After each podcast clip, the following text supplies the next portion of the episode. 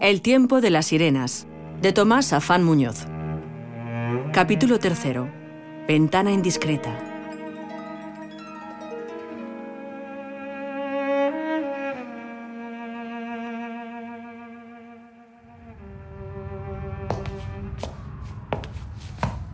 No, no abras. ¿Qué?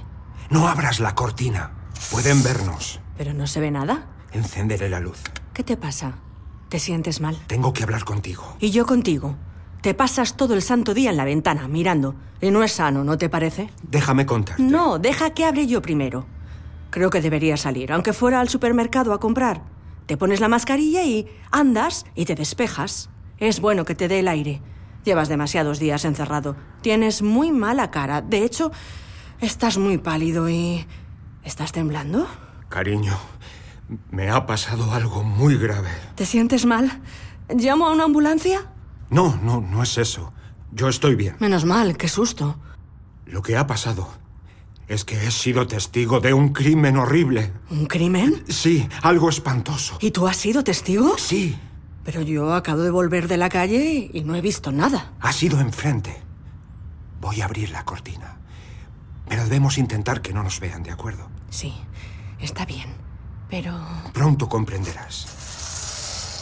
¿Ves aquella ventana que está tan cerrada? Sí, la única con la persiana bajada. Allí vive una mujer joven y atractiva. Lo suponía. Estás hecho un boyer baboso. Un boyer. ¿Crees que yo...? Sí, qué asco. Confieso que al principio me excitaba espiar su intimidad. ¿Por qué no recurres al porno? Esto es indigno. Escúchame, por favor. Pronto empezó a interesarme la persona. Me gustaba mirarla porque era una presencia familiar entre tanta soledad. He llegado a tomarle afecto. Ella se dedica a las estadísticas.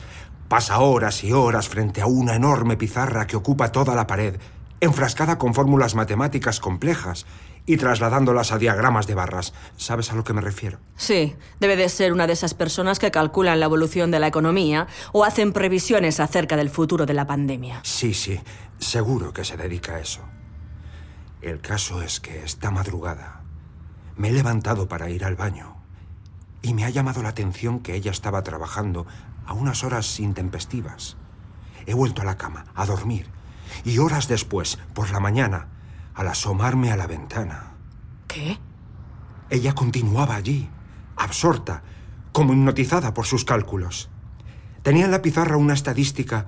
Yo soy incapaz de descifrarla, pero ella parecía preocupada, incluso abrumada.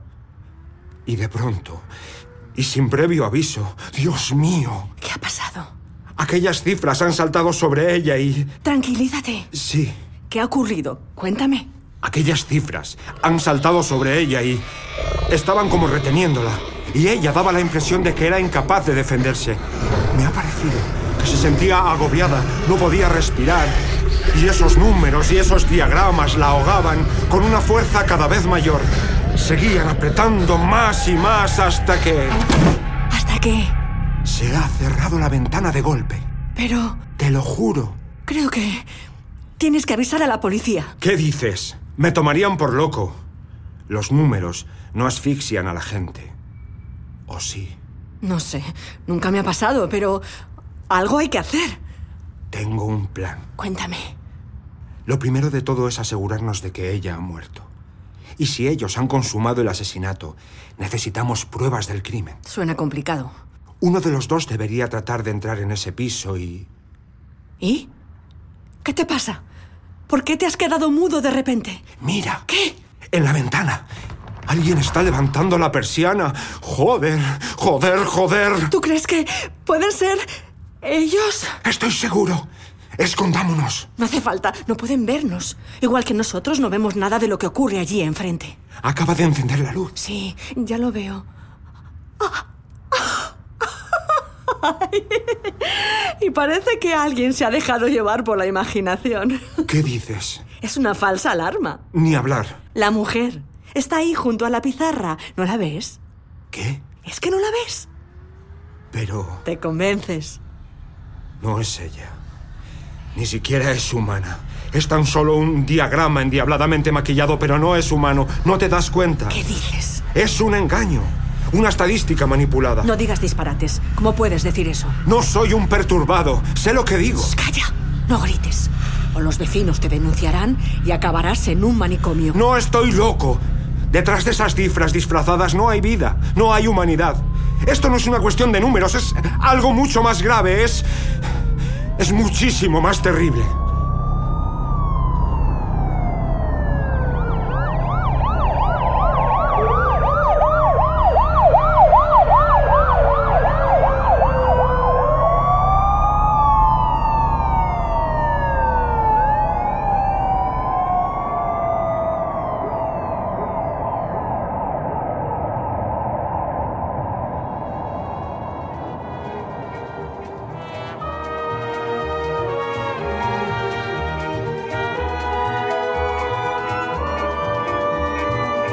Sexto certamen de radioteatro Carlos Pérez Uralde, patrocinado por Festival Internacional de Teatro de Vitoria-Gasteiz, Radio Vitoria ITV y Laboral Cucha.